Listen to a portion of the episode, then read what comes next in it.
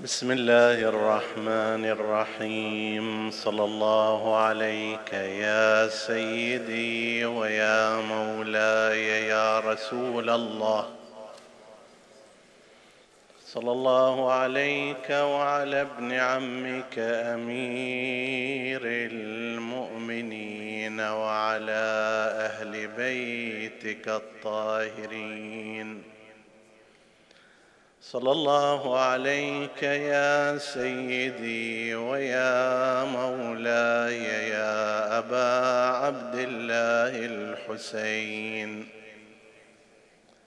ما خاب من تمسك بكم وأمن من لجأ إليكم. يا ليتنا كنا معكم فنفوز فوزا عظيما. وجه الصباح علي ليل مظلم. وربيع أيامي علي محرم. والليل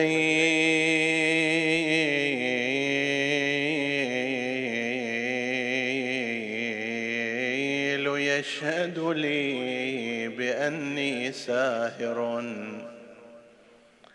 إن طاب للناس الرقاد فهوموا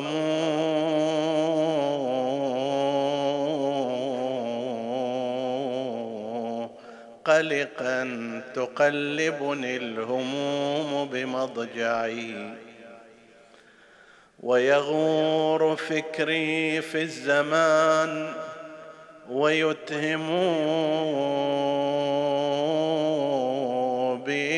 بي قرحة لو أنها بيلملم نسفت جوانبه وساخ يلملم ما خلت أن الدهر من عاداته تروى الكلاب به ويضمى الضيغم مثل ابن فاطمة يبيت مشردا وإماما.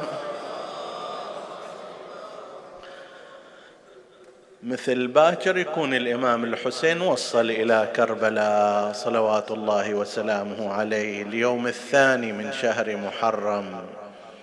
بعد هالرحلة الطويله المتعبه مثل ابن فاطمه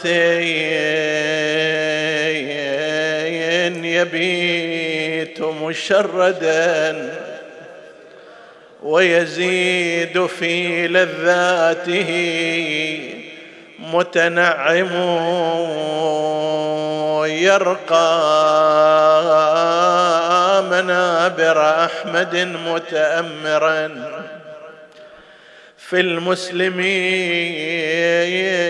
وليس ينكر مسلم ويضيق الدنيا على ابن محمد وحسينا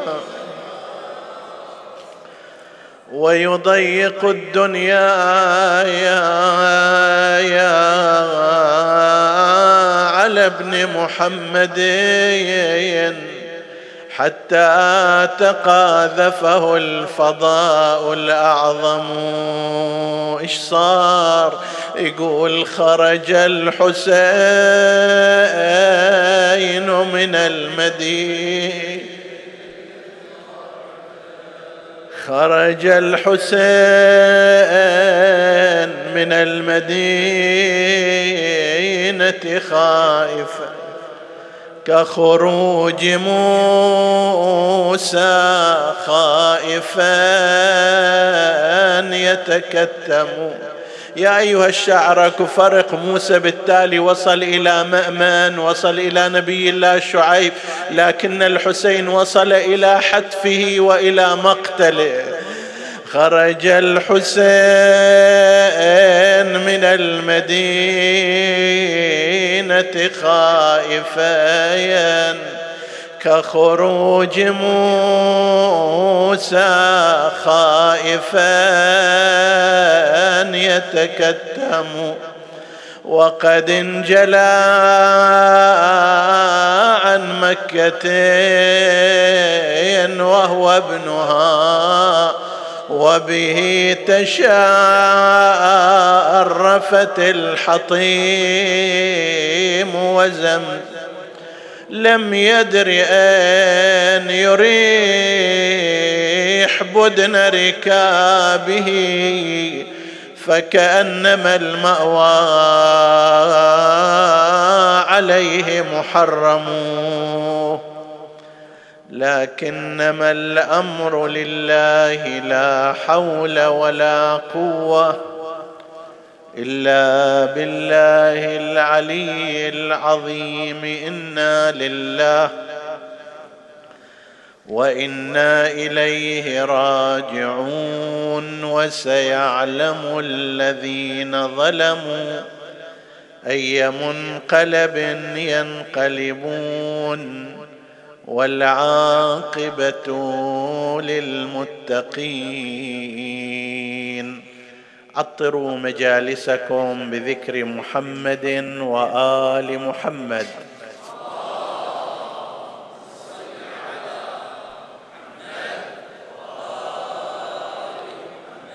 اللهم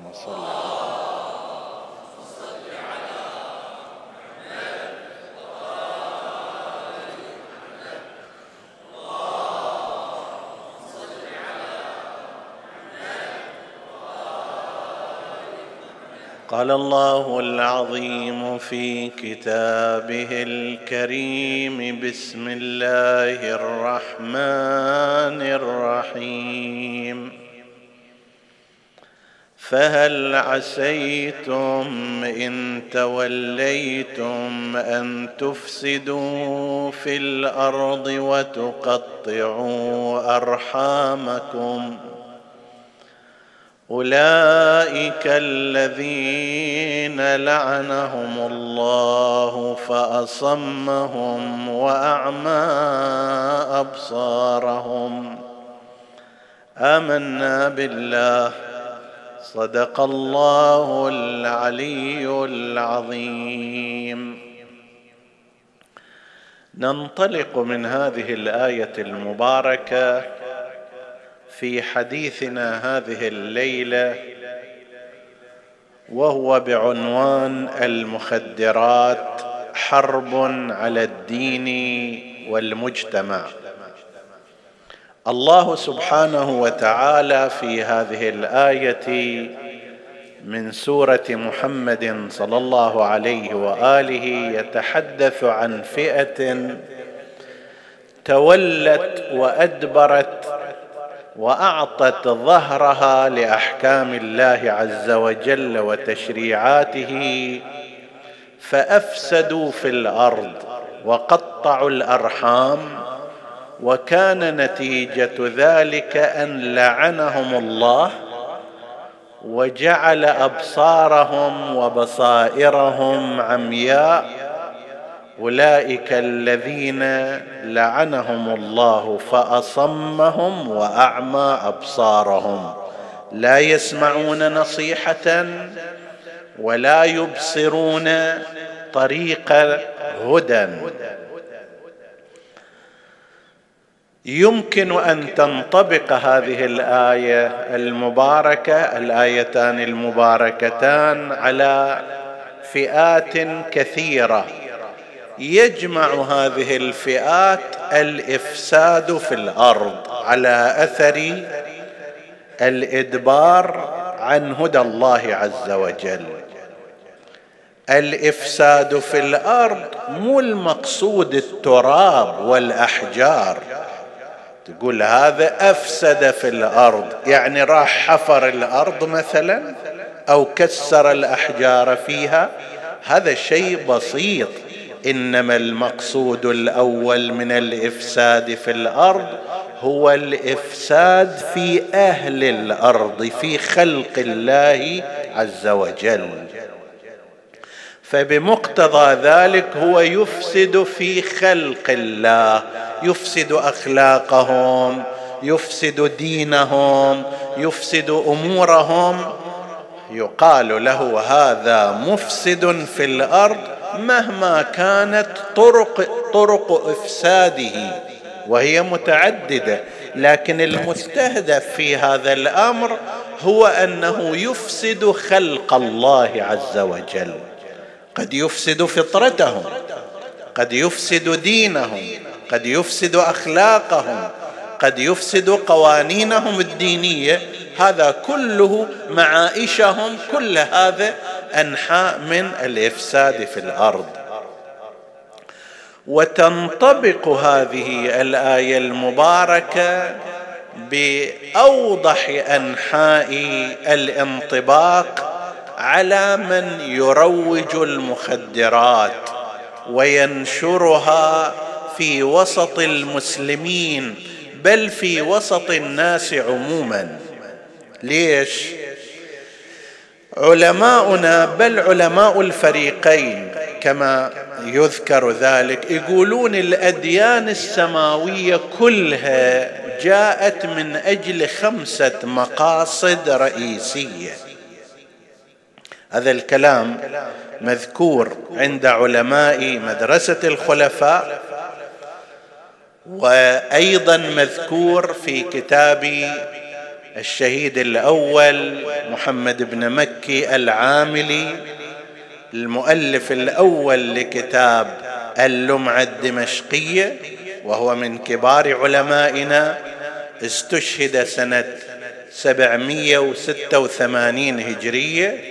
وهو من اعاظم علمائنا له كتب كثيرة من جملتها كتاب الفوائد والقواعد موجود إلى الآن ومطبوع في قواعد نحوية قواعد فقهية قواعد أصولية كتاب نافع جدا.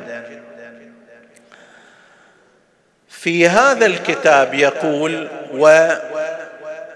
وعلماء مدرسة الخلفاء أيضا يقولون هذا الكلام. إن الأديان السماوية جاءت لتحقيق مقاصد خمسة رئيسية وإلا مقاصد التشريع كثيرة جدا لكن الأساسيات هي هاي الخمسة. يقولون المقصد الأول حفظ دين الناس. جاءت بتشريعات لكي يبقى الدين محفوظا. ولذلك مثلا سنة تحريم الارتداد عن الدين لأن الارتداد عن الدين يضعفه. والمفروض أن التشريعات جاءت لحفظ الدين وتقويته.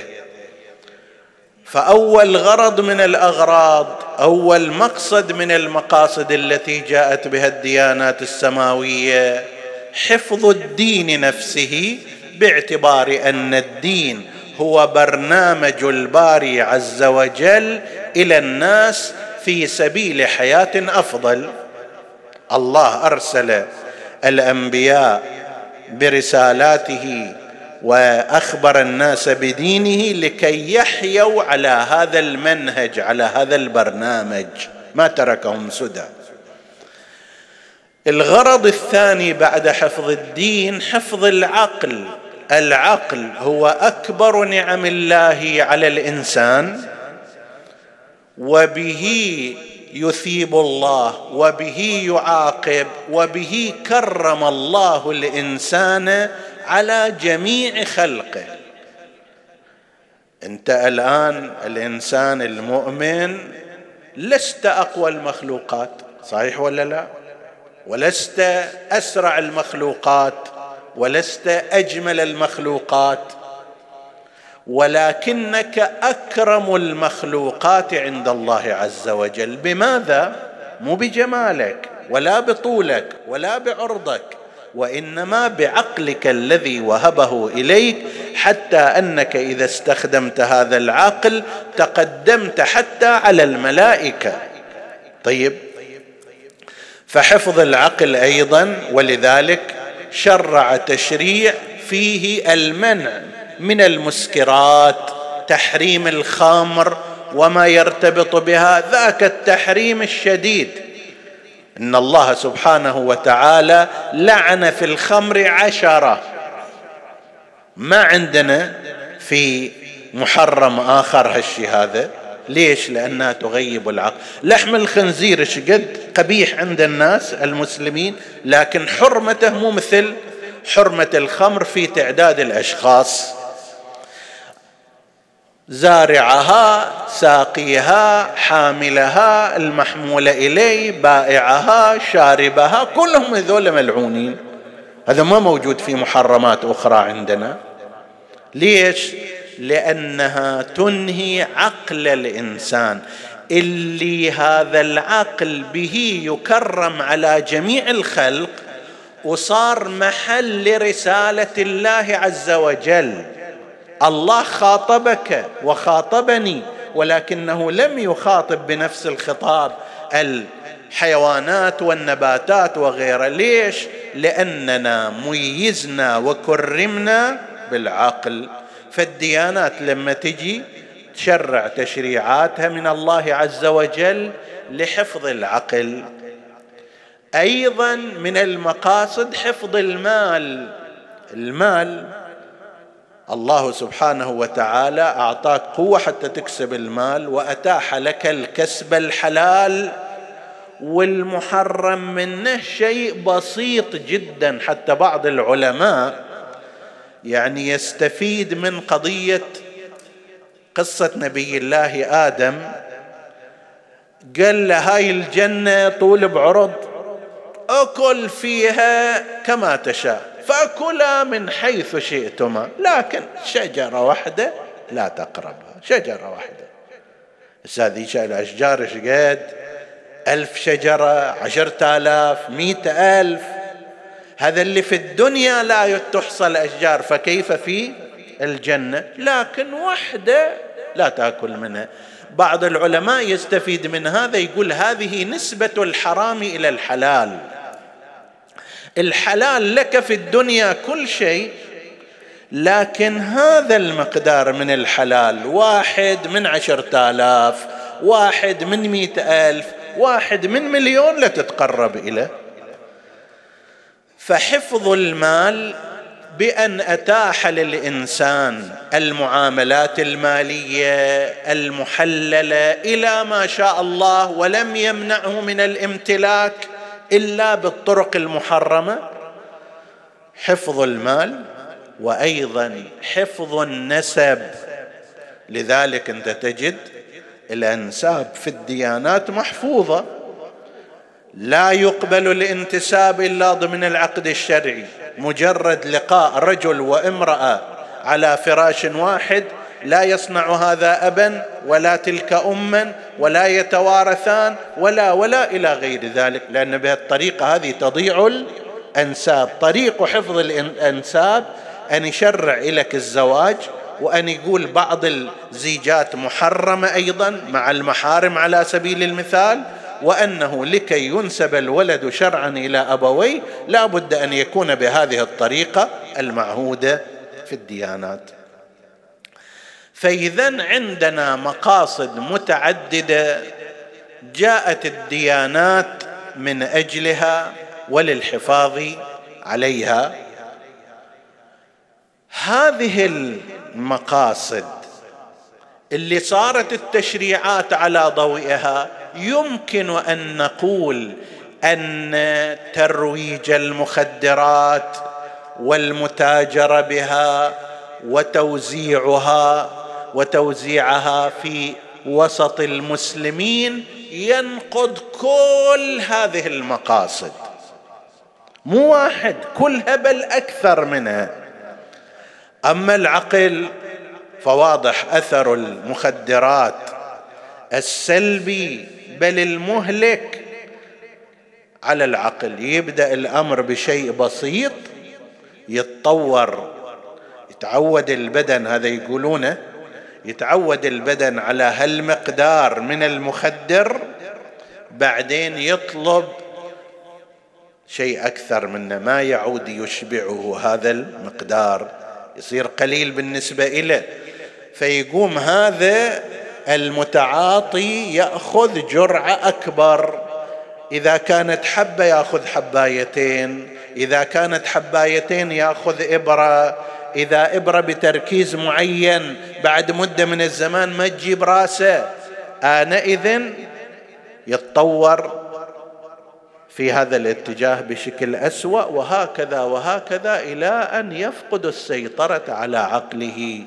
والعلماء والباحثون يذكرون في بعض أنواع المخدرات مثل هذا المعروف أخيرا الشبو والميثافيتامين هذا يقولوا أساسا الإنسان لما يتعاطاه تتغير برمجته العقلية.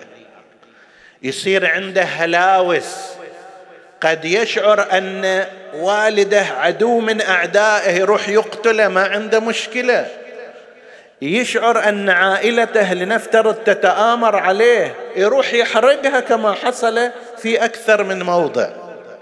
فيفقد الإنسان تلك الجوهره القدسية التي قال فيها ربنا عندما خلقه أي خلق العقل قال له أقبل فأقبل ثم قال له أدبر فأدبر فقال وعزتي وجلالي ما خلقت خلقا أفضل منك. يخاطب العقل بك أثيب وبك أعاقب.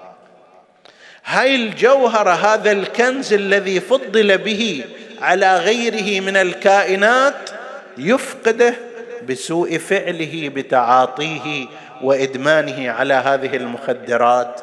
فيفقد العقل.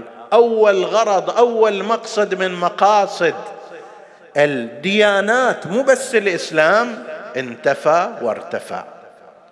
هذا المقصد الأول. المقصد الثاني حفظ الدين. حفظ الدين. إذا تعود الإنسان على المخدرات وأدمن المخدرات بعد لا يعرف ربا ولا نبيا ولا فرضا ولا حكما شرعيا ولا غير ذلك. عندنا الشيء البسيط شارب الخمر. أنا أريد بس أنظر إليك. يقول لك تمر على شارب الخمر ساعة لا يعرف فيها ربه. إذا سكر خلص بعد ما يعرف الله شنو منو وهو عبد من وربه من يكون. تمر عليه في حالة السكر. الخمر بالنسبة إلى المخدرات درجة جدا بسيطة. لا أريد أن أهون من موضوع الخمر لأن كما قلت لعن فيه عشرة. طيب وهو في كثير من الأحيان طريق إلى المخدرات ومصائبه مصائب عظيمة أيضا. لكن أنت إذا تلاحظ يمر على شارب الخمر ساعة لا يعرف فيها ربه. زين هذا المدمن على المخدرات. مو ساعة ولا ساعتين أكثر من هذا. أحيانا يلقي بنفسه وهو لا يشعر في أي مكان هو يفقد حس الزمان والمكان وكل شيء. فيفقد عقله. زين هذا المقصد الثاني أيضا طار عندنا. حفظ المال. المال اللي ينبغي أن يكسب من حله ويصرف في محله وأنه يسأل الإنسان يوم القيامة لا تجوز قدما عبد على الصراط حتى يسأل عن خصال وعن ماله من أين اكتسبه وفيما أنفقه. أنت مسؤول وأنا مسؤول. كيف نكسب المال؟ وكيف ننفق هذا المال أيضا؟ زين هذا اللي ينفق المال لكي يشتري شيئا يدمر به حياته. وهذول المروجون والمتاجرون سنأتي على ذكرهم في وقت لاحق. يعرفون كيف يتصرفون. أول شيء من الممكن أن يعطي واحد شيء بسيط مجاني حتى يأسره. مرة ثانية هكذا خلص بعد وقع بالفخ ذاك الوقت حاضر أن يسرق من أجل أن يلبي هذا الأمر. يسرق من داخل بيته. بعض العوائل اللي تتحدث عن تعاطي بعض أبنائها تتحدث عن أنه مرة واحدة نشوف شيء مختفي. قلادة الوالدة ما أدري أساور الأخت أشياء ثمينة منا منا ومناك في بداية الأمر كنا نتهم مثلا العامله الموجوده عندنا. خلينا كاميرات وكذا. تبين لا الولد مالنا هذا رايح في هذا الدرب وانساق معه ويحتاج إلى أن يشتري. ذاك هم ما يعطيه مجان. أول نصب اليه الفخ المجاني بعدين ما يعطيه مجان. فبدأ يسرق من والديه ومن بيتهما. ويبيع هذه الأشياء. ذهب تعال تفضل هذه سوارة الأم أو ما أدري قلادة الأم يمكن هي هاي هدية الزواج مالها لعله خمسة آلاف ريال أو أكثر أو أقل ألف وخمسمائة دولار مثلا. حاضر أن يعطيها إلى ذاك بعشر قيمتها بس المهم يوفر إلى ذلك الشيء. فهو خسارة للمال على المستوى الفردي وأما على مستوى الأمة فحدث ولا حرج. إحصائيات تتكلم عن أن بعض بعض الدول ومنها بعض الدول العربية عشرات المليارات تخسر من ميزانيتها. تارة في معالجة المدمنين أخرى في متابعة المروجين ثالثة في غير ذلك. عشرات المليارات. هذا غير اللي يخسره الأفراد أنفسهم. فهذا أيضا المال راح العقل راح الدين راح. زين. وهكذا النسب من الممكن أيضا أن يذهب وذلك باعتبار أنه الأسر تنهدم وهذا من الأمور اللي جدا واضحة. إنسان الإنسان في هالأيام مع عقله الكامل وتخطيطه الكثير وإنفاقه على أهله وأسرته ويا الله يا الله يقدر يحتفظ بهذه الأسرة مستقيمة ومستقرة. مع شغله ليل ونهار في هذا واحد يجي مدمن يصرف امواله في ذلك الاتجاه الباطل. ليس عنده فكر ولا عقل ولا دين حاضر. يقدر يدير لك هذا أسرة وأولاد وبنات وغير ذلك؟ ربما أحيانا يعتدي عليهم وعليهن أيضا كما وثق ذلك حوادث في بعض بلاد المسلمين. لأن هذا بالنسبة إلى بنته لا يتعامل معها على أساس أن يصل إلى مرحلة الخطوط عنده والخيوط كلها تختلط. من هنا العالم سواء كان العالم المتدين أو غير المتدين أعلن أن المخدرات هي آفة العصر حتى غير المتدينين حتى البلاد الغربية يتحدثون عن إحصائيات مرعبة. الأمم المتحدة في تقرير سابق ذكرت أن عدد المتعاطين للمخدرات على مستوى العالم بدرجة أو أخرى من الدرجات النازلة إلى درجات الإدمان. يبلغ 285 مليون إنسان. 285 مليون إنسان يعني خمسة في المئة من البشرية كلها.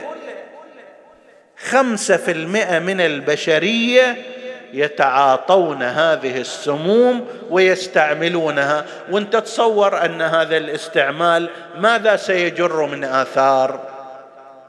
كما ذكرنا قبل قليل. في العالم العربي والإسلامي يتحدثون عن عشرة ملايين في العالم العربي. عشرة ملايين متعاطي للمخدرات. شيء مرعب. إذا قلنا العالم العربي 150 مليون عشرة ملايين من هؤلاء. واحد من كل 15 هو متعاطي للمخدرات. زين؟ لذلك انتهض العالم بدرجة أو بأخرى لمقاومة هذا البلاء المبرم وبطبيعة الحال لن تستطيع السلطات وحدها مهما أوتيت من القوة. أن تحارب هذه الآفة. لا بد أن يشترك الناس. لا بد أن يلتفت الناس إلى أن هذا الأمر يهددهم تهديدا مباشرا. يهدد ابنك وابني ويهدد بنتك وبنتي ويهدد أختك وأختي وأخاك وأخي وجارك وجاري وإذا وصلت النار إلى جارك فاعلم أنها في دارك. وهذا الأمر هو من جملة الأشياء التي قليلها كثير خطير. وبعض الأشياء قليلها خطير. أنت لكي تحرق غابة شقد تحتاج؟ عود كبريت هالقد. بس عود كبريت. يحرق لك بلد كامل يحرق لك غابة بستان كامل مدنية وحضارة يزيلها. هذا من الأمور التي قليلها خطير وكثير ولا ينبغي الاستهانة به. في بلادنا الحمد لله رب العالمين تقوم الدولة بجهد كبير ومقدر في محاربة هذه الافه فرق مكافحة المخدرات وترويجها تقوم بأدوار مهمة جدا مشكورة في هذا الباب. تتصور هالمقدار الذي يكشف ويقبض على مروجيه. حقيقة أمر مذهل.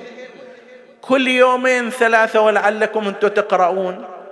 يضبطون جماعة. إيش قد يابا هذول مهربين؟ حبوب مخدرة. سبعين مليون. ستين مليون. خمسين مليون. هذا المقدار إذا تحسب على مستوى سنة كاملة وهذه الأيام بعشرات الملايين. ذاك الوقت لازم تحسب العدد بالتريليونات. طيب زين هذه لو صبت في البلاد ووصلت إلى بائعيها وإلى مروجيها وإلى مستهلكيها فيما بعد. أي وضع راح يصير؟ تتصور إذا مليار حباية مثلا بثت في بلد كل نفوسه عشرين مليون. ما الذي سينتج عن هذا البلد؟ ينتج عنا دين؟ مو ممكن. ينتج عنا حضارة؟ ابدا. ينتج عنا عقل علم تقدم دين أخلاق ابدا. فلذلك اولا نحن نقدر هذه الجهود ونثني عليها ونسأل الله أن يوفق هذه الجهود إلى يوم لا نجد فيه حبة واحدة من المخدرات تنفذ إلى بلادنا أو سائر بلاد المسلمين. هؤلاء يقومون بدور مؤثر ومهم. مرجعيتنا الدينية انظروا إلى الاستفتاءات. تتحدث عن أنه ينبغي مساعدة, مساعدة فرق مكافحة المخدرات مخدرات في أعمالها وفيما تقوم به. أنا قد أستطيع مساعدة أنت قد تستطيع مساعدة؟ لأننا عندئذ نساعد أنفسنا. لذلك أول رسالة نحن نوجهها نوجه رسالة تقدير لهذه الجهود المبذولة لأن آثارها آثار كبيرة جدا في حماية البلاد والعباد من هذه الآفة الخطرة.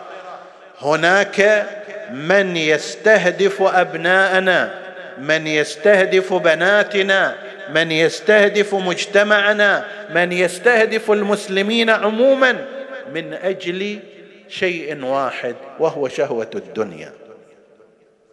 هؤلاء الذين يروجون ويبيعون ويوزعون وغير ذلك من أجل ماذا؟ يحصل إلى أموال حتى يشبع هذا البطن ويشبع ما تحت بطنه من شهواته. هذا كل القضية أولها وآخرها.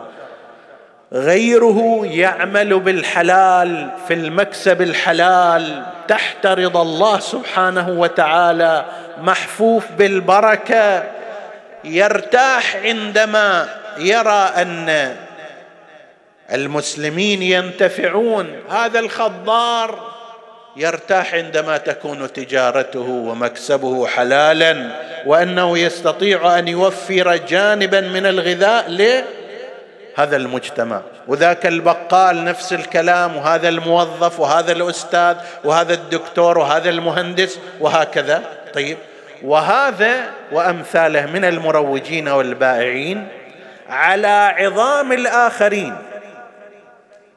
وعلى نهاية حياتهم الزوجية. كثير من العوائل انتهت حياتها الزوجية.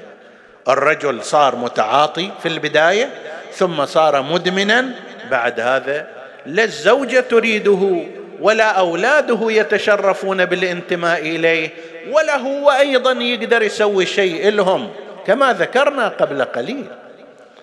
فهي أول رسالة نحن نوجهها ونسأل الله لهذه الفرق التي تعمل على مكافحة المخدرات أن توفق في مسعاها وأن تنجح في القضاء على هذه الآفة. أي فد رسالة؟ الرسالة الأخرى للطرف المقابل وهو ذاك المروج ذاك البائع ذاك التاجر. تارة نتكلم ضمن الإطار الديني ونقول أنه هذا أمر من الأمور المحرمة شرعا. السحت فتوى عندنا ها؟ المرجعية الدينية تسأل عن أنه عند الشراء من شخص والبيع مع شخص يروج المخدرات. ما حكم هذه الأموال؟ واحد باع حباية وحبايتين وحصل من وراها مال. الجواب هذا المال سحت ولا يجوز التصرف فيه. حرام هذا. إذا كان يعرف الحلال والحرام فهذا. إذا كان يعرف أن الله سبحانه وتعالى له لعنة وله عذاب في الدنيا قبل الآخرة. نقول له الآية المباركة فهل عسيتم إن توليتم أن تفسدوا في الأرض وتقطعوا أرحامكم؟ أولئك الذين لعنهم الله فأصمهم وأعمى أبصارهم. هذا بعد شيء حاضر دنيوي وأما الآخرة فأنا وانت قد ما نحصي آثار بيع المخدرات على هذا. أنا جبت كمية ذاك البعيد لا سمح الله ولا قدر. جبت كمية وذبيتها وأخذت فلوسها. ما دريت يوم ثاني هذا على أثر استخدامها الزائد مات. يموت أحيانا. أحيانا استخدام هذه المخدرات بالنسبة إلى بعض الأشخاص قاتل بالنسبة إلى بعض الأشخاص على أثر الإدمان والاستمرار فيها يقتل أنا ما أدري لكن الله حسيب ورقيب. هذا اللي جاب انتهى إلى موت هذا وإلى تفكك تلك تلك الأسرة وإلى مرض هذا وإلى جرائم صارت على أثر ذلك. هذا ما محسوب. ما منظور عند الله سبحانه وتعالى. وأما الحكي الدنيوي الحكي الدنيوي حتى هؤلاء لو فكروا في هذه الدنيا. الإنسان في هذه الدنيا ماذا يريد؟ حتى إذا حصل على أموال يريد يحصل على أموال وفي نفس الوقت يكون في المجتمع موقر مكرم يعيش بين الناس يحترمهم يحترمونه. يصير عنده أموال يصير وجيه يتبرع في هالمكان يعطي في ذاك المكان ينظر إليه بإعجاب وإكبار. عادة هكذا. زين هذا الذي هو متاجر بالمخدرات. أول قانون عنده أن يخفي نفسه يخفي شغله يخفي حياته. لأنه متى أظهرها تم التساؤل من وين هذا اله كل هالأموال هذه؟ من أين جاء بها؟ شنو شغله؟ ماذا يصنع؟ كيف حصل على هذه الأموال؟ فتشوف هذا الإنسان دائما متخفي دائما بعيد فقد المجتمع وفقد الحياة الاجتماعية وفقد التمتع الحقيقي بهذه الأموال التي يجمعها. وآخر الأمر أيضا يعرف بين الناس فيشار إليه كما يشار إلى البعير الأجرب. بل عندنا أكثر من هذا. فتوى المرجعية الدينية هكذا. يسأل المرجع الديني أنه شخص يروج مخدرات ولكن عنده بضائع أخرى. يبيع أشياء ثانية سيارات فيما يسمى بغسيل الأموال مثلا هالايام يسوي إلى تجارات ثانية. هل يجوز إلي أن أروح أشتري من عنده وأتعامل معه في ذلك الجانب؟ أشتري من عنده سيارة. إذا كان عندي سوبر ماركت مثلا أشتري من السوبر ماركت. الفتوى تأتي ينبغي مقاطعته حتى في ذاك. إذا كان ذلك من مصاديق الأمر بالمعروف والنهي عن المنكر. فهذا الإنسان تشوفه لا هو في الآخرة هكذا لا هو في المجتمع هكذا لا هو في تجارته. أنت يجي أحيانا حتى يتبرع في عمل ديني أو كذا الناس تتحرج تأخذ من عنده. ماذا انتفع من ذلك؟ لا دنيا ولا آخرة. خسر الدنيا والآخرة وذلك هو الخسران المبين. رسالة أيضا عندنا إلى من يتعاطى ومن يستهلك. أنه فد إنسان يبدأ في هالمشوار اولا اولا ثم اولا لا تجرب.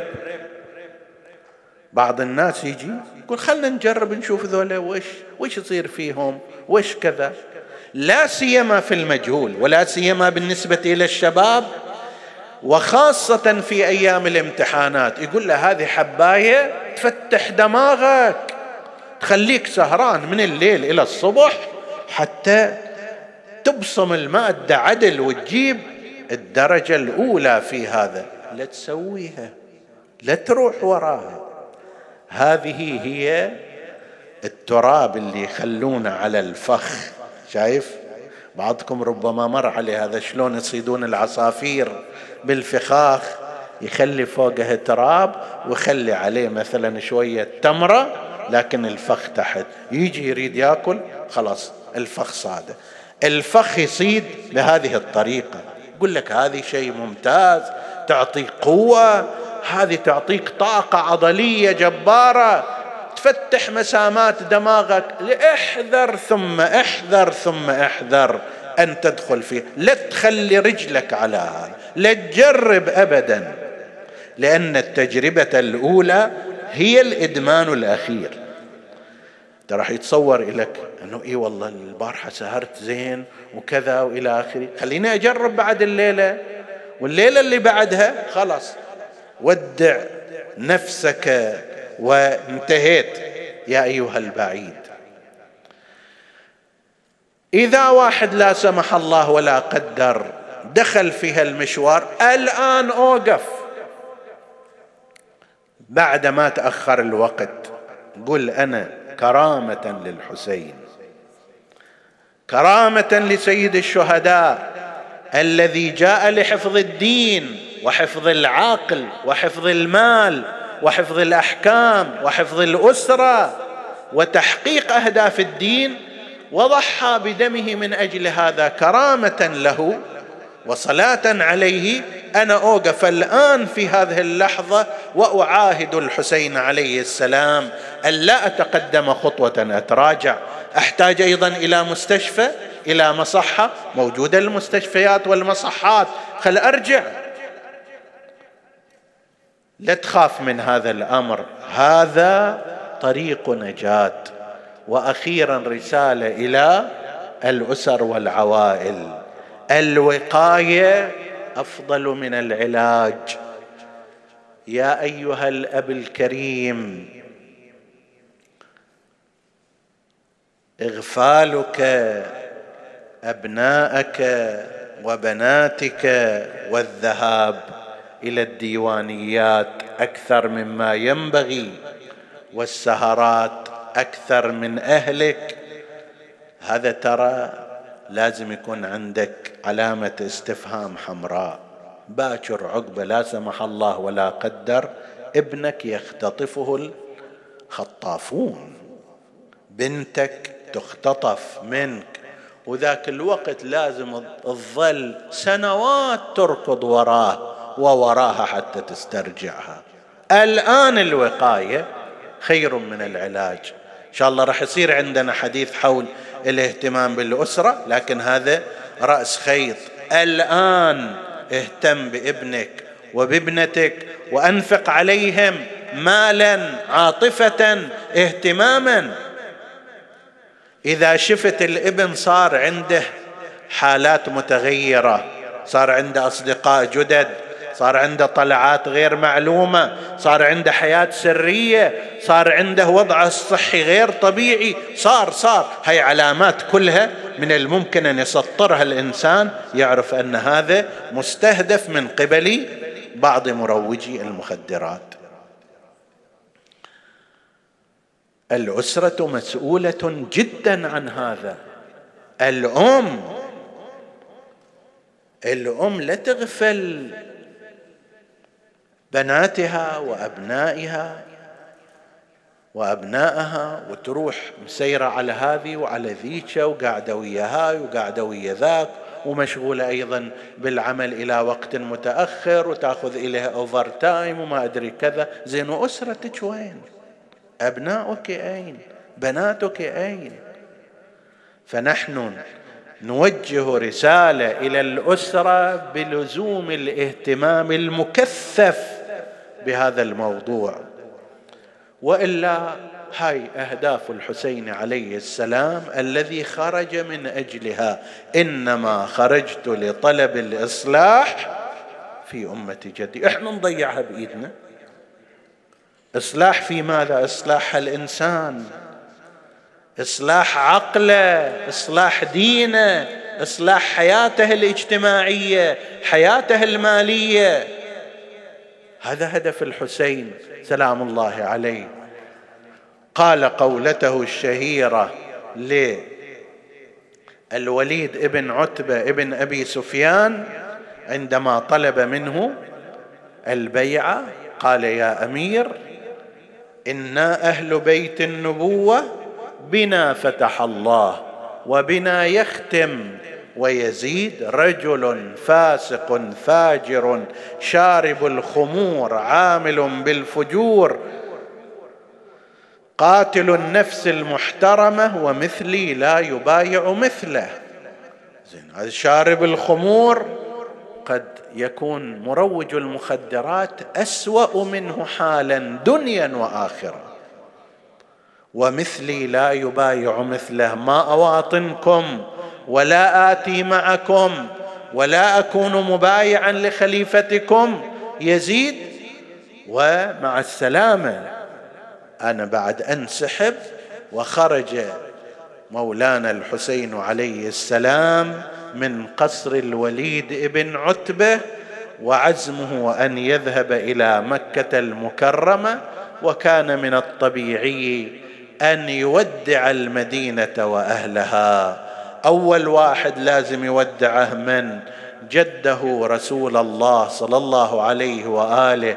قيل إنه ذهب إليه بعد خروجه من عند الوليد ابن عتبة ابن أبي سفيان وكان الوقت وقت العتمة يعني مثل هالوقت تقريبا وكان ذلك الوقت في حوالي ليلة سبعة وعشرين من شهر رجب فذهب إلى قبر جده المصطفى صلوات الله عليه وأخذ يناجي جده السلام عليك يا جداه يا رسول الله. أنا الحسين بن فاطمة يا يا فرخك وابن فرختك وصبتك الذي خلفتني في أمتك وصبتك الذي خلفتني في أمتك فاشهد عليهم يا رسول الله أنهم قطعوني ولم يحفظوا حرمتي. قيل أن الحسين غفا على قبر جده رسول الله صلى الله عليه وآله فرأى جده في المنام وهو يقول له بني حسين عليك السلام. إن أباك وأمك وأخاك وعمك مشتاقون إليك. يعني عجل أنت أيضا جاي في أثر هؤلاء. إنهم مشتاقون إليك. وإن لك مقاما لا تناله إلا بالشهادة.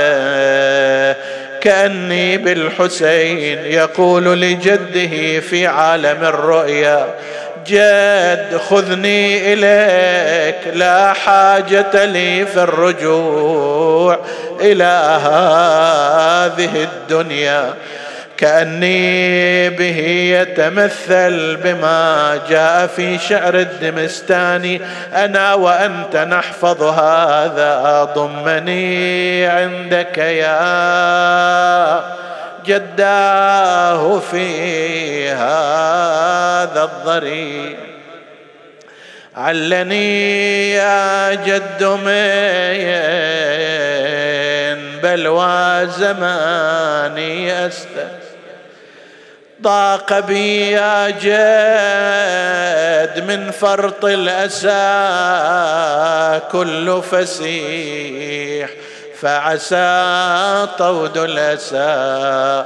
يندك بين الدكتين وحسينا وحسينا وحسين. جد صفو العيش من بعدك بالأكدار الشيب وأشاب الهم راسي قبل إبان المشيب. فعلى من داخل القبر بكاء ونحيب. ونداء بافتجاع يا حبيبي. وحسينا وحسينا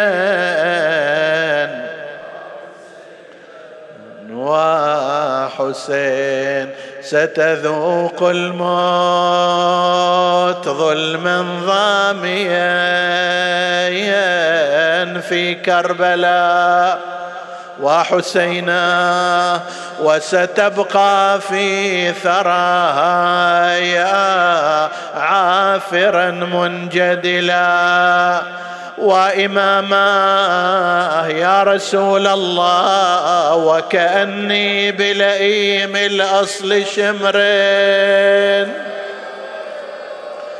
وكأني بلئيم الأصل شمرين. قد على صدرك الطاهر بالسيف.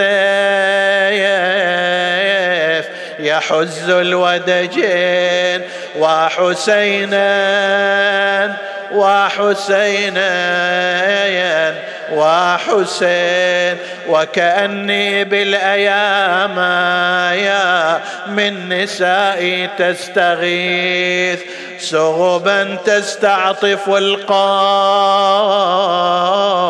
وقد عز المغيث قد برا أجسادهن الضار والسير الحثيث بينها السجاد في الأصفاد مغلول اليدين وحسينا وحسين وحسين ثم إن إمامنا الحسين عليه السلام في اليوم الثاني صباحا ذهب يودع باقي الهاشميات وزوجات رسول الله وكان يودع أم سلمة هذه المرأة الصالحة التي قد ربت الحسين عليه السلام من صغره وكانت تحب أمير المؤمنين وأولاده حبا عظيما وروت الروايات في فضلهم فجاءها الحسين عليه السلام مودعا وقال لها أمة يا أم سلمة الوداع الوداع. قالت له بني حسين أنت ذاهب إلى العراق. قال بلى قالت بحقي عليك لا لا تذهب فإنك مقتول هناك. وقد أخبرني جدك رسول الله بمصرعك وأراني تربة من تراب قبرك. حفظتها في قارورة وإن شئت أريتها إياك. قال لها اما أنا أعلم ما الذي يجري علي وأعرف مصرعي وأدري أظل مطر مطروح برض الغاضرية. هالصدر هذا يصير تحت الأعوجي وكني بجسمي على الثرى مرمي رهينة. عباس خيم قطعا شمال ويمين وراسي على راس الرمح يبرى الضعيف وزينب عقب عيني على كور المطي أنا ابقى مجدل والدمام نجروحي يتسيل وانظر بعيني على حريمي حايط الخيل. ثم إن أم سلمة كانت تترقب الأخبار عن الحسين. إلى أن كان يوم العاشر بعد الظهر وهي نائمة في منزلها وإذا بها ترى رسول الله باكي العين. محدود بالظار أشعث الرأس. قا وهو باك قالت له ما يبكيك يا رسول الله؟ قال لها الآن قتل ولدي الحسين. فصرخت ونادت وولدايا وحسين يا أنا لقعيد على درب الضعون إي والله وسايل اليرحون يرحون ويجو. كل من لها غياب يلفون وأنا غايبي باللحايا يا يا مدفون وإن قتيل الطف من آل هاشم.